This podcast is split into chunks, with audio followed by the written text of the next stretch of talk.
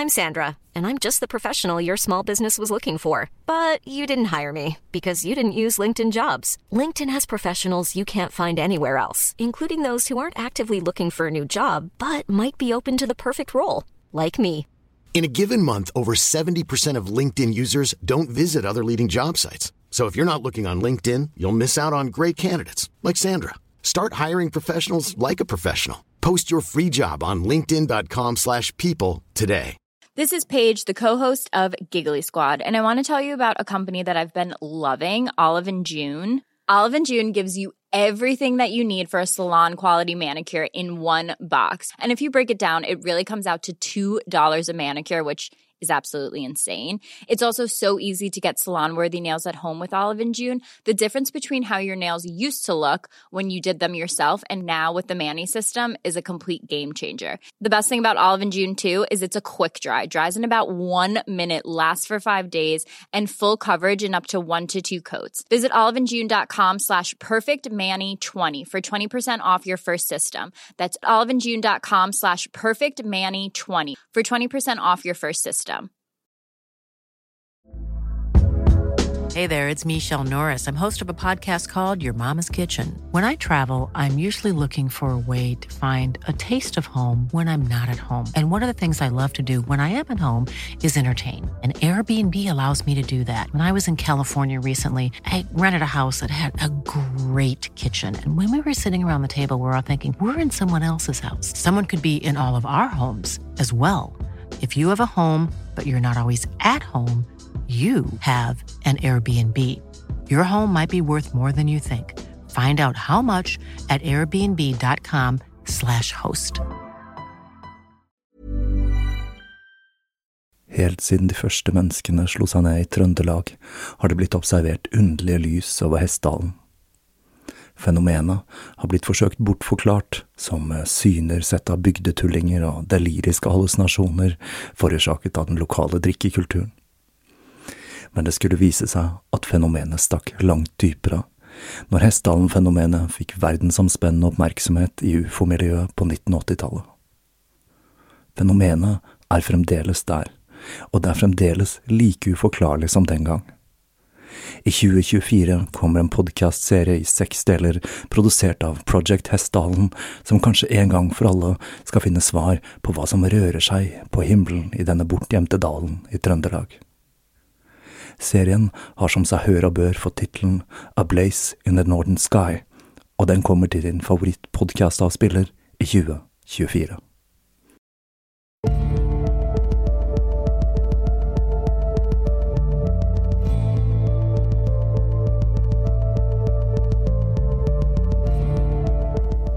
Hei og velkommen til Tåkeprat. Jeg heter Even, og nå er vi da kommet til episode 30.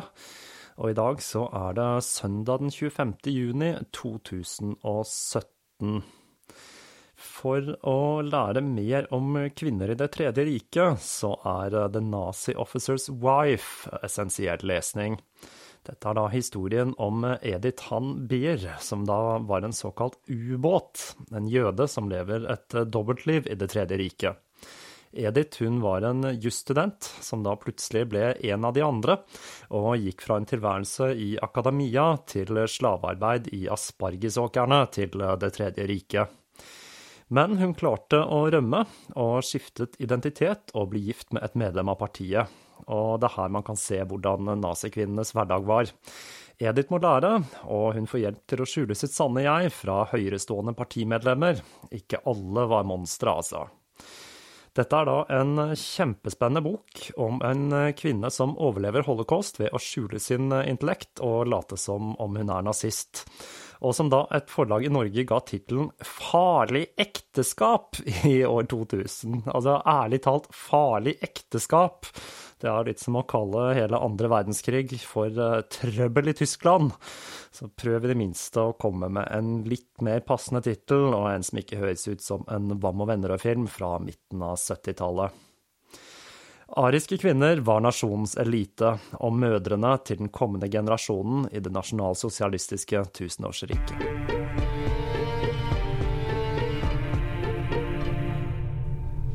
Ingen historie om kvinner i Det tredje riket ville være fullstendig uten å ta for seg lederen til den kvinnelige naziunionen, Gertrud Schultz-Klink, som da fikk tilnavnet Den kvinnelige føreren.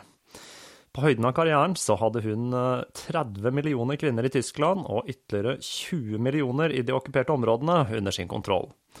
Men det blir ofte sagt at hun eh, kun hadde en symbolsk rolle i Det tredje riket, og at hun ble innsatt fordi ledelsen i nazipartiet ville gi inntrykk av at de verdsatte kvinners bidrag til riket. Men hun var da en kvinne som passet inn i det nazistiske byråkratiet med sin ensrettethet og stahet. Gertrud ble født den 9. februar 1902 i Baden-Württemberg, og det var ingenting i hennes oppvekst som tilsa at hun hadde ambisjoner eller evner til lederskap. Hun var datteren til en vanlig offentlig ansatt, og hun startet karrieren sin som lærer, etterfulgt av en jobb som journalist, før hun giftet seg i en alder av 18 år med Fredrik Klink i 1920. Fredrik Klink han var medlem av nazipartiet og et aktivt medlem i SA. Men eh, Gertrud hun viste ingen interesse for hans aktiviteter eller politikk før ni år senere, etter paret hadde fått seks barn, og hun følte et behov for å skape sin egen karriere. Når eh, mannen hennes døde av hjertestans under gatekamper med SA i mars 1930, så marsjerte Gertrud til partikontoret og meldte seg inn for å ære Fredrik sin martyrdom. Men Gertrud hun var ikke fornøyd med å stelle i stand sosiale tilstelninger for partiet, og hun steg raskt til gradene med å rekruttere nye medlemmer til partiet, og hun ble lederen for kvinnedelen av partiet i Berlin. To år senere så giftet hun seg på ny med doktor Gunther Schultz, men eh, hun ble skuffet når hun oppdaget at han hadde liten interesse for eh, nasjonalsosialisme, og han brydde seg mer om pasientene sine. Men nå hadde talegavene og de organisatoriske evnene hennes vekket interessen til Adolf Hitler, som utnevnte henne som leder for den nasjonalsosialistiske kvinneunionen og Kvinneligaen i 1933. Av enkelte så ble hun beskyldt for å drive med renkespill på samme måte som sine mannlige kollegaer, mens andre sa at hun var en arketypisk arisk kvinne og et godt forbilde for organisasjonen. Selv om hun offentlig gjorde narr av kvinner som forsøkte seg i politikken, så ga hun alt for sin egen politiske karriere, og hun var en fanatisk tilhenger av Hitler. Hun ba alle tyske kvinner legge til side sine egne interesser og underkaste seg sine mannlige ledere. I en tale til tyske kvinner fra 1936, som da het Å være tysk er å være sterk, så gjør hun det klart hva som var de tyske kvinnenes plikter. Den nasjonalsosialistiske bevegelsen ser på mannen og kvinnen som like viktige for Tysklands framtid men den ber dere om å ofre mer enn dere har gjort tidligere, og ber om at dere alle hengir dere til de oppgavene naturen har skapt dere til. Med andre ord, menn skulle ut og jobbe, mens kvinner var hjemme med hus og barn. Det samme året ble hun utnevnt til direktør for den nasjonalsosialistiske velferdsorganisasjonen og mottok gullmedaljen til NSDAP. Det var en ære som var reservert for de som legemliggjorde det nasjonalsosialistiske idealet. Men mens hun snakket om måtehold og moderasjon, så nøt Gertrud et liv i luksus, med privilegier kun høyerestående partimedlemmer hadde. Hun rettferdiggjorde alt dette med at hun ga alt for føreren, og at eh, hun gjorde alt for sine følgere, fra de yngste Mädchen til mødre.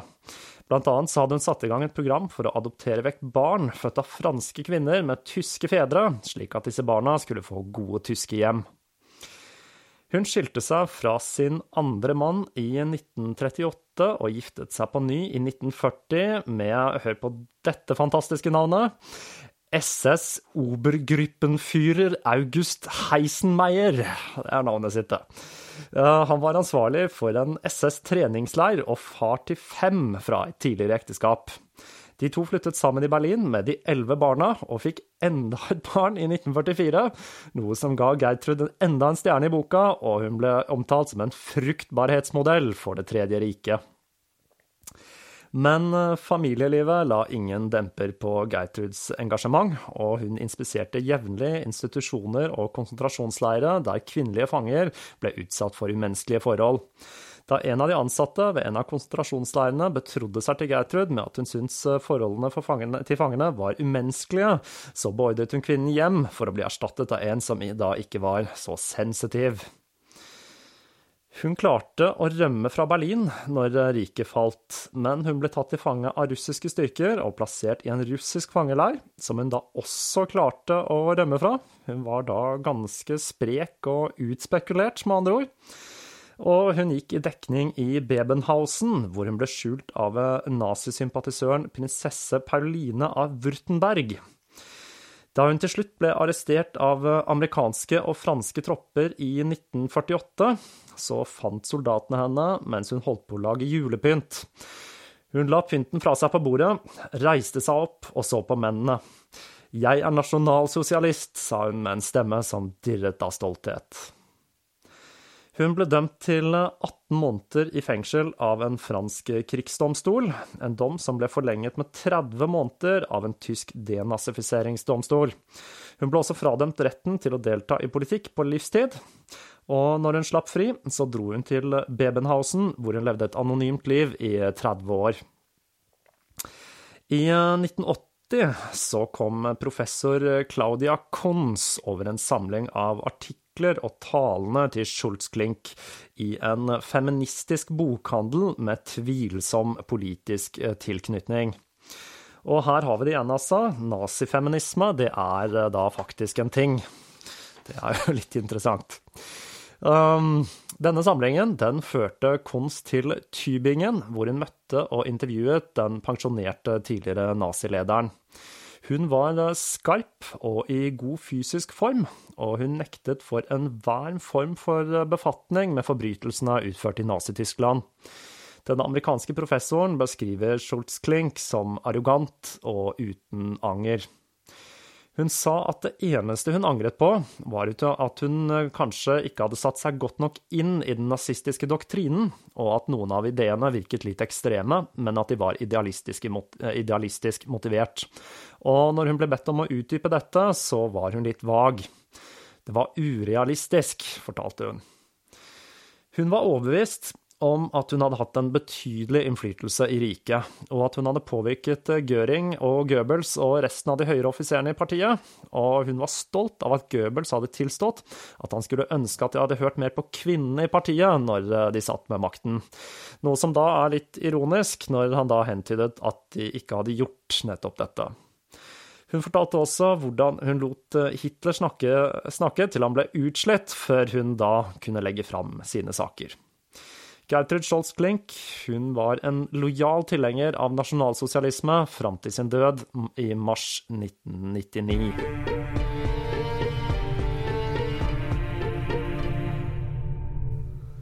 Det var én ting eh, nazistene kunne svært godt, og det var propaganda fra uniformene til SS, som da var designet av Hugo Boss, og den okkulte symbolbruken som, om man tar vekk tilknytningen til regimet, fremdeles ser utrolig stilig ut.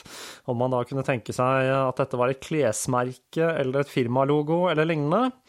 Og til radio, og ikke minst til lerretet. Nazistene med Josef Goebbels i spissen var de første som tok i bruk dette mediet til å spre sin ideologi, og de var veldig flinke.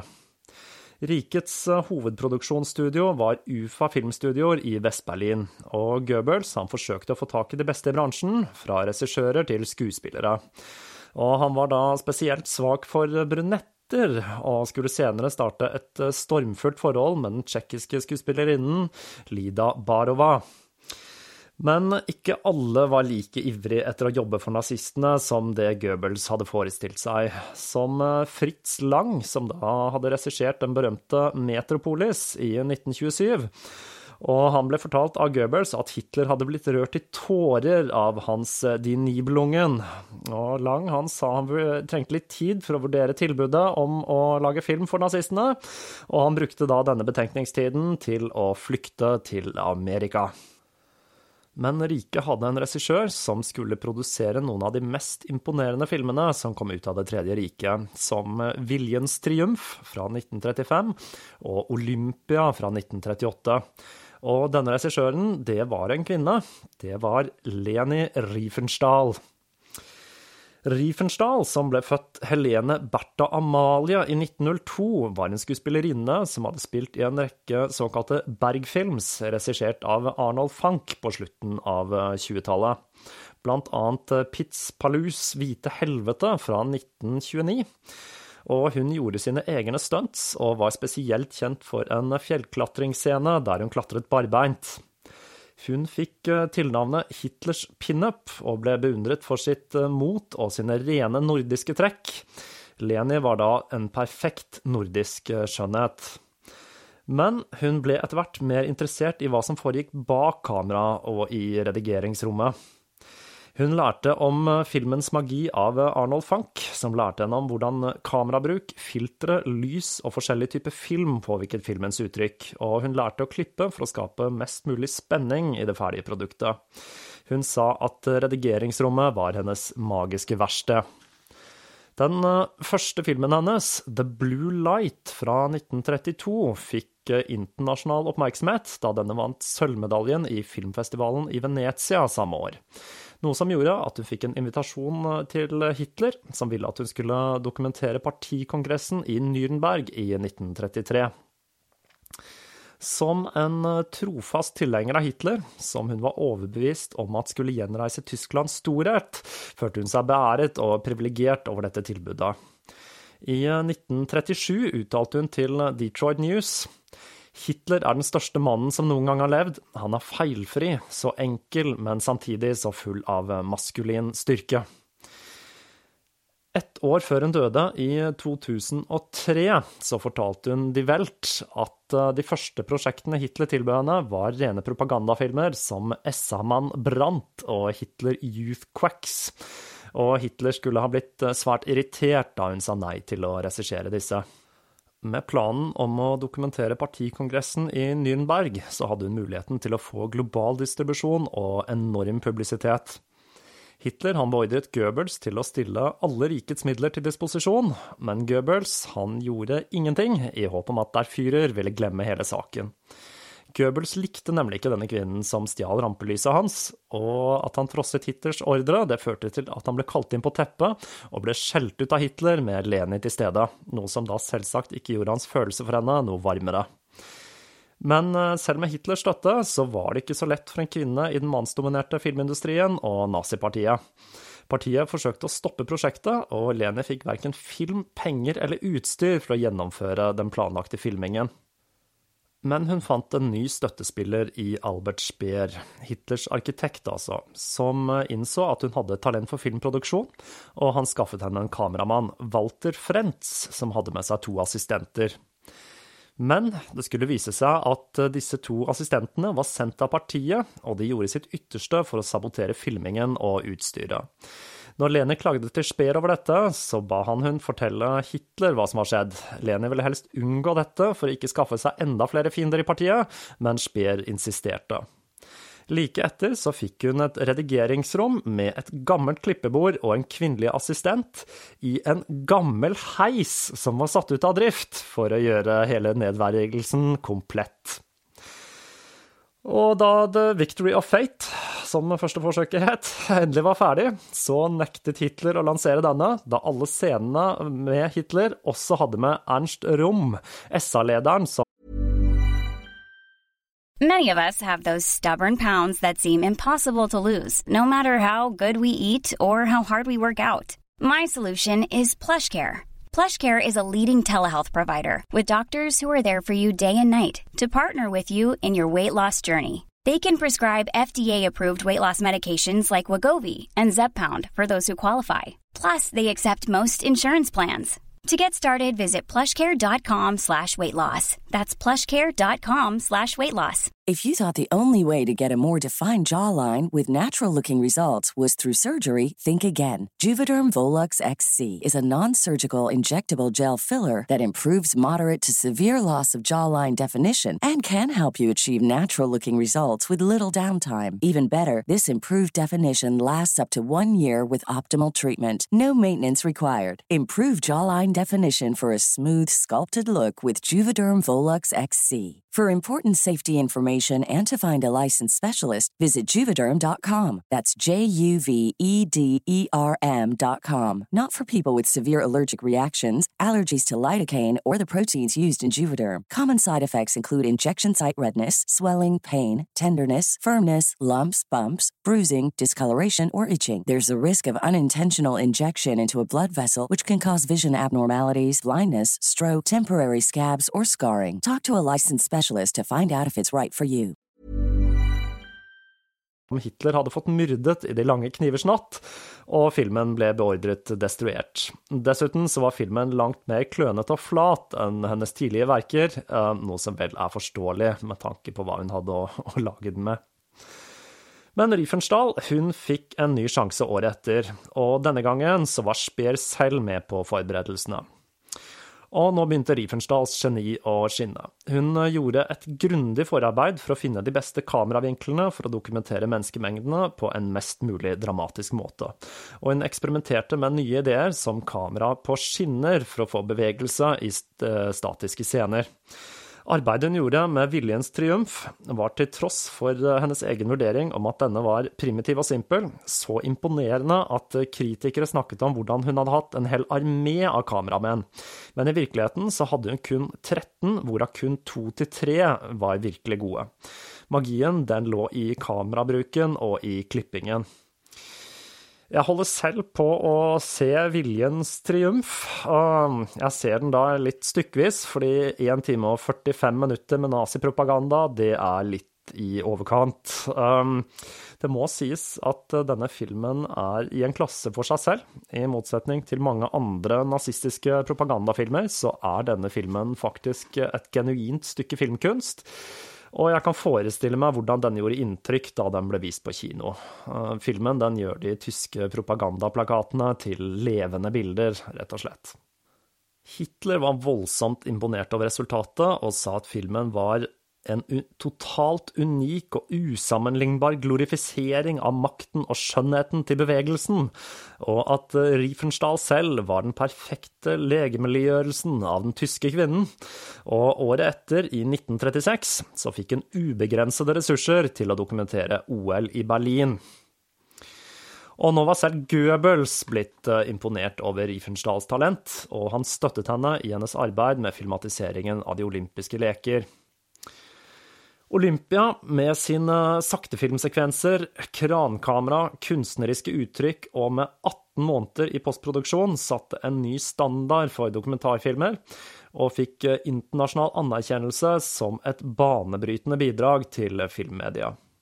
Men Goebbels han ble rasende da han oppdaget at Riefenstahl hadde valgt å ta med den svarte løperen Jesse Owens i den ferdige filmen. Historien om Jesse Owens den blir da fortalt i filmen Race fra 2016. Men ikke alle applauderte Riefenstahl. Under et besøk i Amerika i 1938 så nektet alle filmstudiene, bortsett fra Hal Roach og Walt Disney, å ha noe med henne å gjøre. De jødiske eierne ville ikke huse en nazist den samme uken som krystallnatten hadde blitt utført i Tyskland. Furten så trakk hun seg tilbake til hotellet og fortalte agenten sin at hun ville bli der til denne plagsomme jødetingen ikke lenger er i avisene. I senere år sa Riefenstahl at hun ble sjokkert når hun oppdaget hva regimet hadde gjort, men hun forble en lojal tilhenger av Det tredje riket fram til hun døde 101 år gammel i 2003. Hun jobbet også som krigskorrespondent i det okkuperte øst, og hun var vitne til massakerne av sivile i Konskia i Polen, og hun brukte også fanger fra konsentrasjonsleirene som statister i noen av filmene sine. Etter krigen så ble Riefenstahl uglesett i filmbransjen, både i Tyskland og i resten av verden, og hun kommenterte det hele med denne uttalelsen. De tegnet et bilde av meg som et monster, kanskje fordi jeg var en kvinne, eller kanskje fordi jeg hadde bedre filmer. Folk var misunnelige. Avisene skrev Skal vi la henne leve? eller Burde ikke hun også stilles for retten i Nürnberg? Plutselig var jeg en supernazist, en leder som Jeanne d'Arc som bærte fanen og ledet troppene til seier i Orléans. Det var sjalusi og hat. Andre forsøkte å denazifisere seg selv ved å angripe meg. Med dette så forsøkte de å si jeg er ikke som Riefenstahl, hun var en ekte fanatisk nasjonalsosialist. Historien om Lene Riefenstahl er interessant fordi hun brøt igjennom det nazistiske regimets doktrine om at kvinners jobb var som mor og hustru, med sitt åpenbare talent for film. Og hadde hun fått muligheten til å bruke talentet sitt i filmindustrien i et annet land, hvor hun ikke hadde blitt svertet av det nazistiske regimet, så hadde nok Riefenstahl fått sin rettmessige plass i filmhistorien som en av de mest betydningsfulle kvinnelige regissørene gjennom tidene.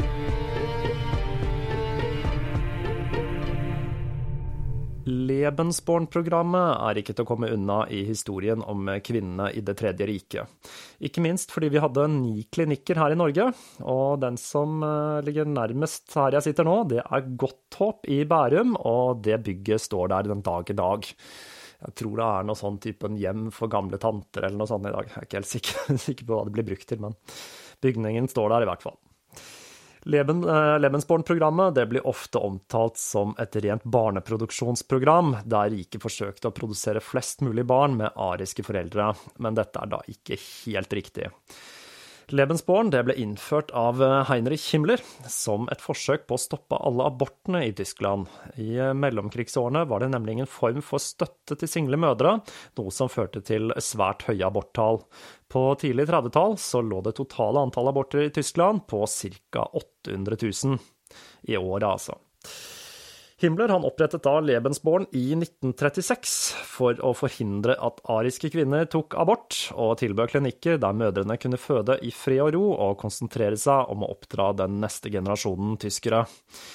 60% av kvinnene som benyttet seg av dette tilbudet, var ugifte, og de fikk den beste behandlingen rike kunne tilby. Om de ikke kunne oppdra barna på egen hånd, så hadde de muligheten til å adoptere vekk barnet til en velstående tysk familie. Klinikkene de tilbød da til og med en SS-dåp, der barnet ville bli velsignet med en SS-dolk eh, inngravert med mottoet 'Min ed er min lojalitet'. Hovedtyngden av de som benyttet seg av dette tilbudet, det var elskerinnene til SS-offiserene, for de hadde jo blitt oppfordret til å få flest mulig barn utenfor ekteskapet. Og kvaliteten på klinikkene og diskresjonen gjorde disse til et førstevalg for nazieliten. Men det er jo selvsagt en mørk side ved dette programmet. Vi kjenner alle historiene om hva som skjedde med kvinnene som hadde omgang med soldater fra okkupasjonsmakten, og ikke minst barna de fikk, som da vokste opp som tyskerunger.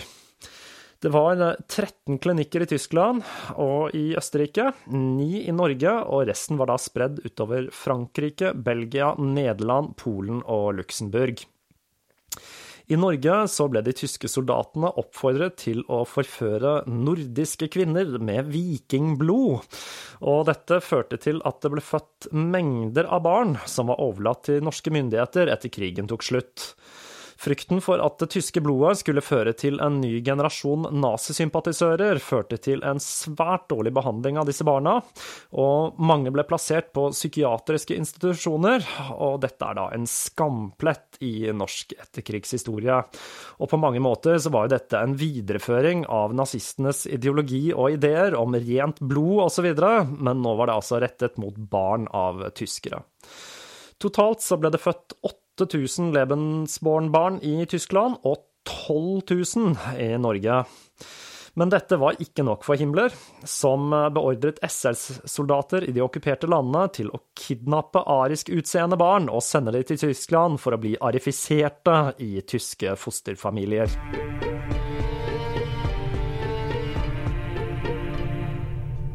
Dobbeltmoralen var alltid til stede i Det tredje riket, noe vi ikke minst ser i rikets berømte bordell, Salon Kitty i Giesenbrechtstrasse nummer 11 i Berlin. Det hele hadde vært SS-gruppenfyrer Reinhard Heydrich sin idé. I 1939 hadde han fått ordre om å finne ut hvordan de allierte hadde fått lekket informasjon om rikets militære framrykninger. Han kontaktet da Walter Schellenberg, sjefen for SD, rikets overvåkningstjeneste. Og han visste at eh, få ting fikk menn til å røpe sine hemmeligheter, som når de var på sengekanten med en vakker kvinne. Til å begynne med så var planen å overvåke tilfeldige bordell der diplomater og høyere offiserer frekventerte, men da Schellenberg ble gjort oppmerksom på at eieren til det mest prestisjetunge bordellet i Berlin var i ferd med å pensjonere seg, og at hun nok kunne overtales til å holde åpent i bytte mot sitt eget liv, så iverksatte han planen om å bruke denne kvinnen som en brikke i spillet med å skaffe seg informasjon fra fienden. Kitty Schmidt var en velstående kvinne. Hun hadde smuglet mesteparten av formuen sin ut av Tyskland og til en britisk bankkonto, og hun var i ferd med å flykte fra landet da hun ble arrestert av Gestapo på den nederlandske grensen. Hun ble overtalt til å gjenåpne Salon Kitty i rikets tjeneste. Politiet raidet bordeller og nattklubber i Berlin på jakt etter jenter som passet til denne jobben, og tusenvis ble intervjuet og gjennomgikk psykologisk evaluering før de satt igjen med 20 stykker som skulle være Madame Kittys eh, spioner. Jentene ble sendt til offiserakademiet i Ordensburg i Bayern, hvor de gjennomgikk en to måneder lang opplæring hvor de lærte fremmedspråk, koder, militære insignia, hvordan best ekstrahere informasjon og om politikk. Når eh, Salon Kitty åpnet på ny, så hadde madame Schmidt fått beskjed om å beholde de jentene hun hadde fra før, for ikke å vekke mistanke, mens de som ville benytte seg av Kittys mest eksklusive tjenester, måtte bruke kodeordet 'Jeg kommer fra Rotenburg'. Opptakene som ble gjort på bordellet, de ble gjort på Vox-sylindere. Det er da et medium vi husker fra historien om HB Lovecraft. Et par ting kom ut av denne overvåkningen. Um, blant annet så fra svigersønnen til Mussolini, grev Gelasso. Han fortalte da om hvordan han og Mussolini privat gjorde narr av Hitler.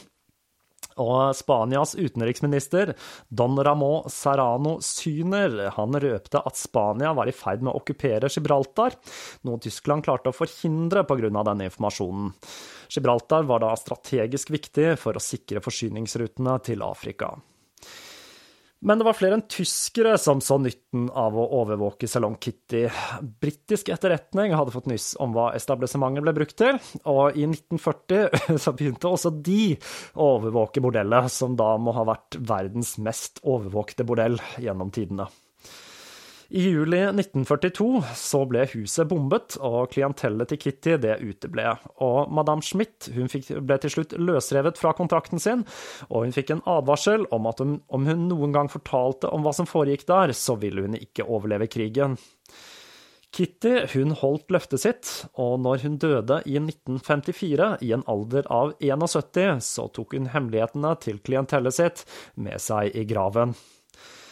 Hvor eh, de 25 000 opptakene som ble gjort i Salon Kitty, ble av, det er det ingen som vet. Det ryktes at russerne slo kloa i disse, men så langt så har ikke sylinderne fortalt sine historier.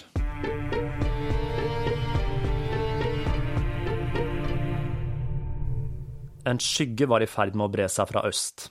Lebensraum, det ariske tusenårsriket, skulle bygges i det okkuperte Øst-Europa, hvor undermennesker som slaver og jøder skulle ha sin naturlige plass i riket, som slaver og tjenere for sine ariske herrer og mestere. Men de nye områdene trengte nytt arisk blod og arbeidskraft, og tusenvis av kvinner, lærere, sykepleiere, sekretærer, så vel som hustruer og mødre, utvandret til de nye områdene for å søke lykken og bygge seg en ny tilværelse i Hitlers tusenårsrike.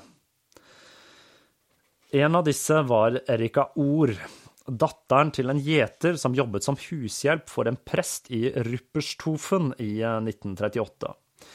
Den lokale avdelingen av NSDAP oppfordret Ord til å melde seg inn i BDM, og gjennom et arrangement i regi av BDM så kom hun i kontakt med to sykepleiere fra Røde Kors, som også kom fra en bakgrunn som bønder.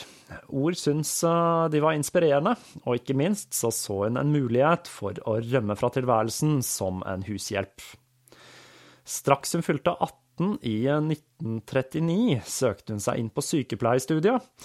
Men før hun kunne starte med det, så måtte hun søke om fritak fra pliktene i BDM, dokumentere sitt ariske opphav og ikke minst få tillatelse fra arbeidsgiveren. Når eh, ryktet om at denne gjeterdatteren skulle bli sykepleier spredte seg i den lille landsbyen, var det få som trodde at dette kunne være sant, før hun pakket alt hun eide i en koffert og dro til Stuttgart for å begynne studiene. Når eh, krigen brøt ut i 1939, økte behovet for sykepleiere dramatisk, og Ors sykepleierutdannelse var perfekt timet. Men selv så ivrig som hun var, så kunne hun ikke ha forestilt seg mengden av unge kvinner som hun selv, som ville bli sendt utover rikets grenser for å ta seg av sårede soldater og SS-offiserer, for å jobbe på sinnssykehus, barselklinikker og ikke minst ta seg av de som ikke fortjente livets rett i rikets eutanasiprogram. Etter hun hadde fullført den toårige utdannelsen, ble hun, som så mange andre, beordret ut til sin nye post. Den 3. november 1942 kom ordren. Ord skulle til Ukraina. Hun hadde lite tid til å reflektere over det hele, og da hun et par dager senere satt på toget som skulle ta henne til Ukraina, så innså hun at hun var den eneste kvinnen blant tusenvis av soldater. Og det var ingen som vinket farvel til henne fra plattformen.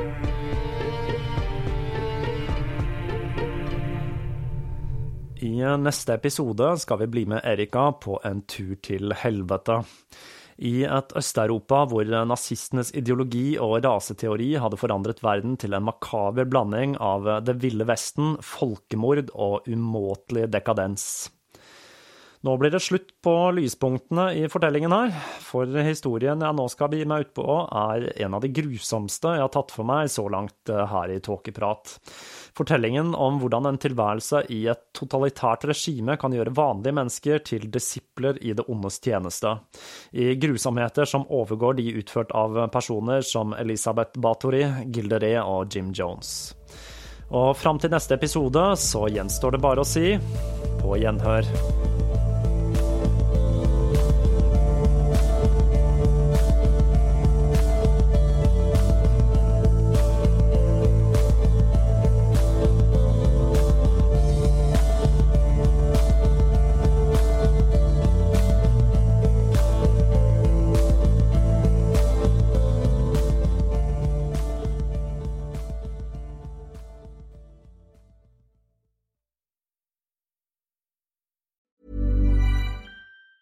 Planning for your next trip?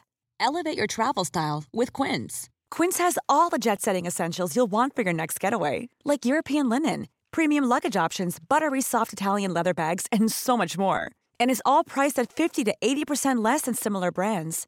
Plus, Quince only works with factories that use safe and ethical manufacturing practices. Pack your bags with high-quality essentials you'll be wearing for vacations to come with Quince. Go to quince.com slash pack for free shipping and 365-day returns.